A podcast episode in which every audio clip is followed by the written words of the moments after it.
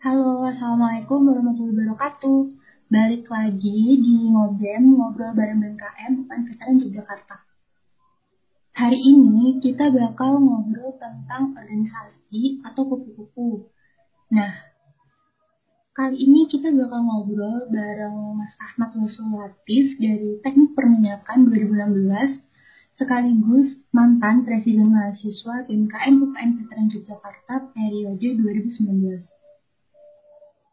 Halo Mas Afin. Halo, salam kenal.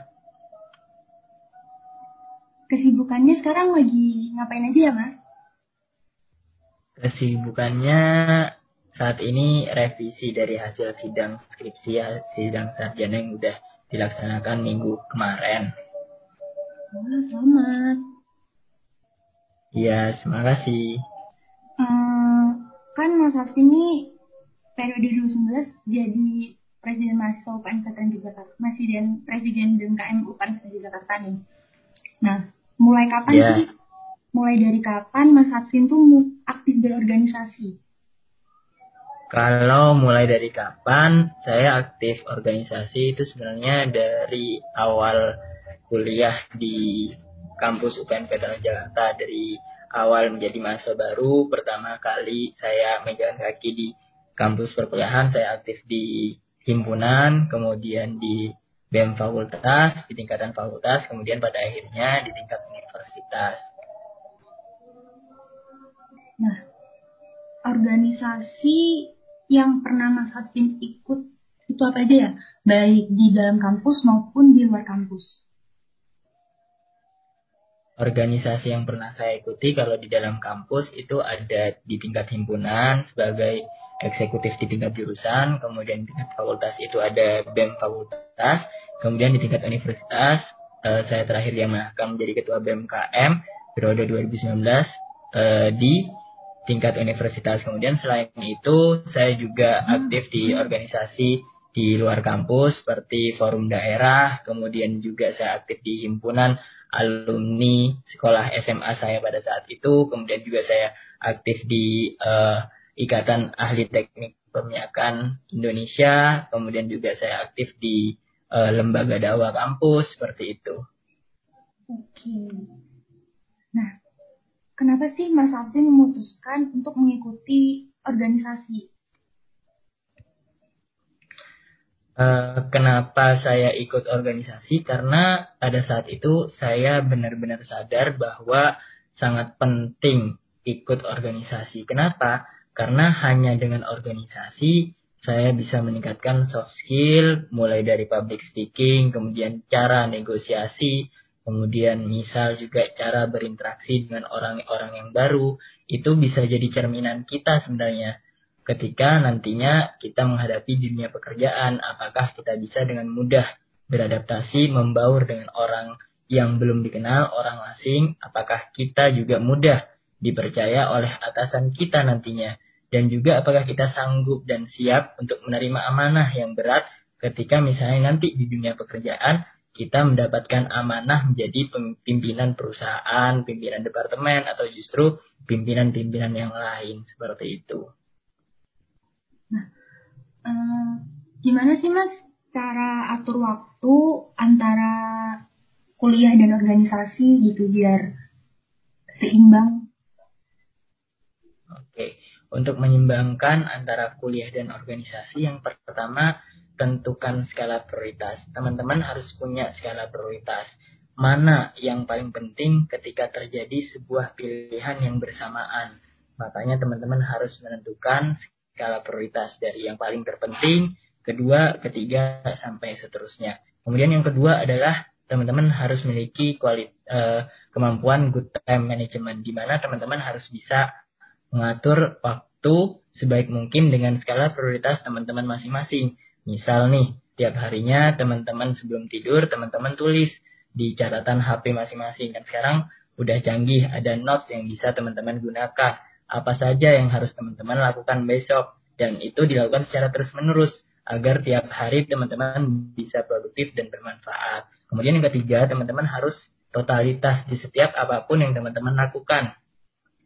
Lakukanlah dengan sungguh-sungguh sepenuh hati, jangan sampai ada keterpaksaan. Yang paling penting adalah teman-teman tahu batasan diri, tapi jangan sampai membatasi diri. Maksudnya apa?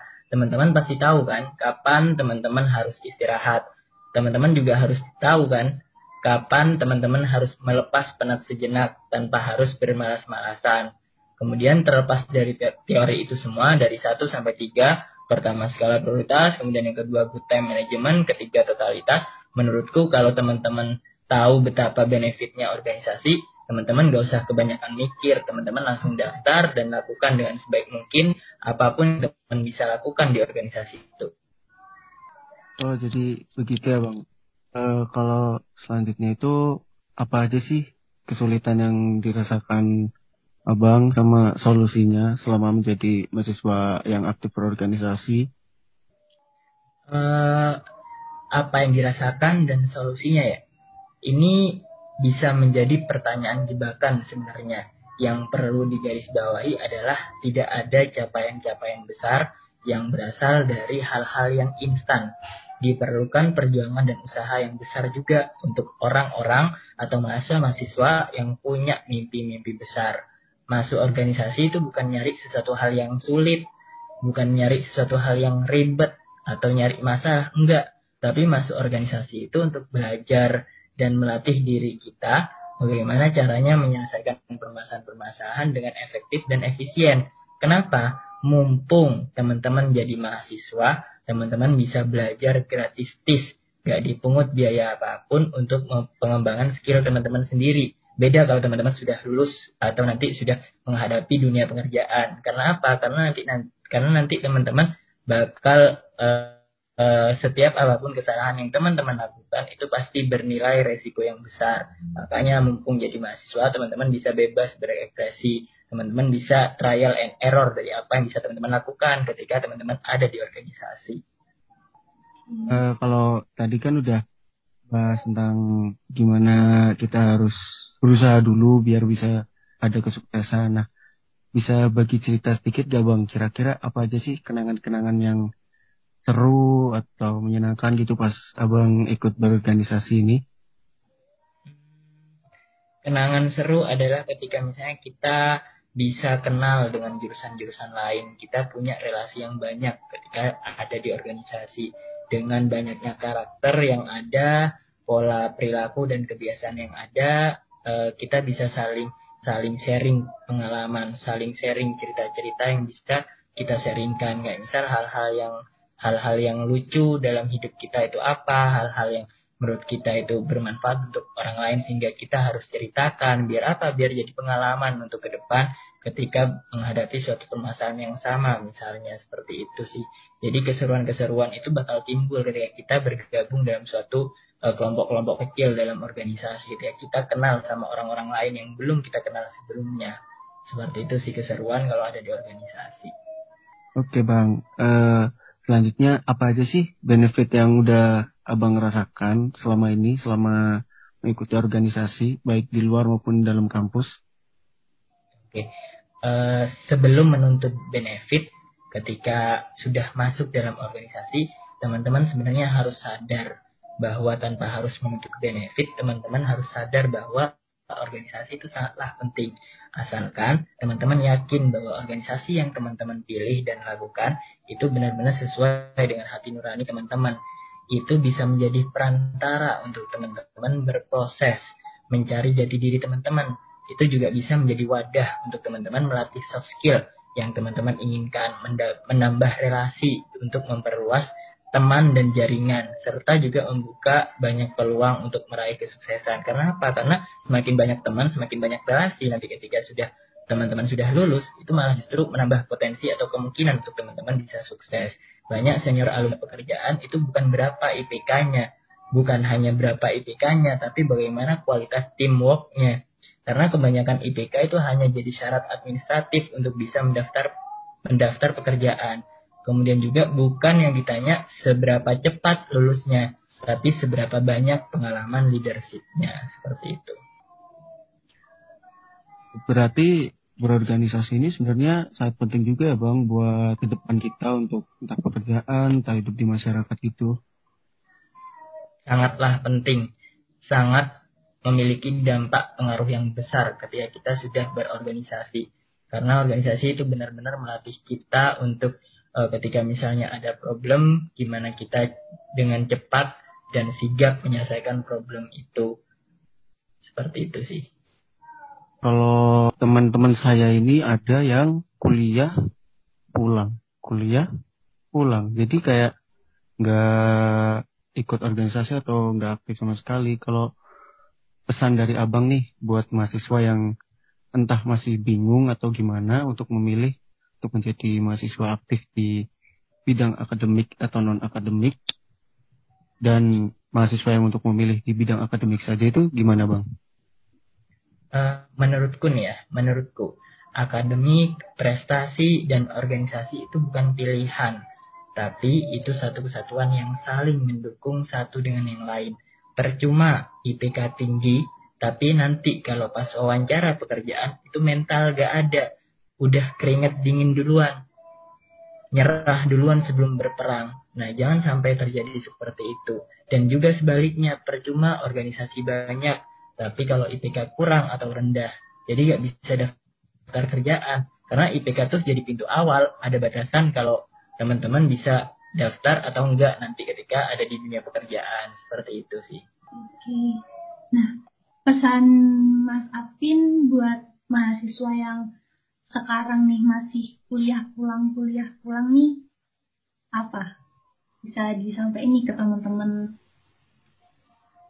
Pesan yang bisa saya sampaikan, wahai mahasiswa kupu-kupu yang kerjanya kuliah pulang kuliah pulang, gak mau peduli sekitar, sadarlah bahwa kalian kalian itu bukan lagi siswa yang hanya dituntun dan dibimbing di dalam kelas.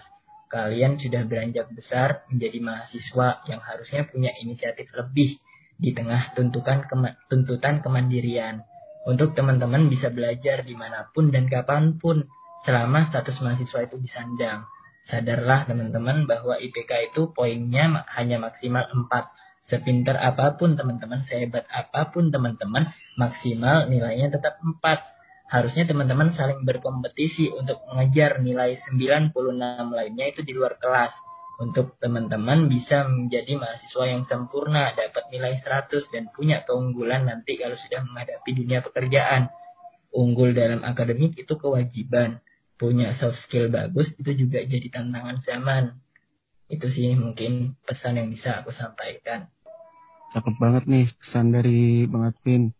Buat mahasiswa yang masih jadi kupu-kupu, mungkin pesan ini bisa merubah arah pikir kalian ya, bisa hmm. bisa lebih aktif, bisa lebih terbuka lagi dan keluar dari zona nyaman untuk ikut organisasi. Orang ikut organisasi juga banyak benefitnya kok, ya nggak Ra? Iya benar banget. Dari pesan nah. sampai Mas tadi, Semoga memotivasi dan menginspirasi teman-teman semua buat mau ikut berorganisasi karena organisasi itu punya banyak manfaat buat diri kita di masa yang sekarang maupun buat masa depan kita. Nah, saya ucapkan terima kasih banyak buat Bang Advin sudah menyempatkan waktunya dan mau memberikan saran dan pesan juga buat para mahasiswa UPN ini. Semoga dilancarkan ke depannya, Bang. Amin, terima kasih doanya. Semangat dan terus berjuang buat kalian, para mahasiswa. Terima kasih Bang Martin. Terima kasih Bang. Sama-sama.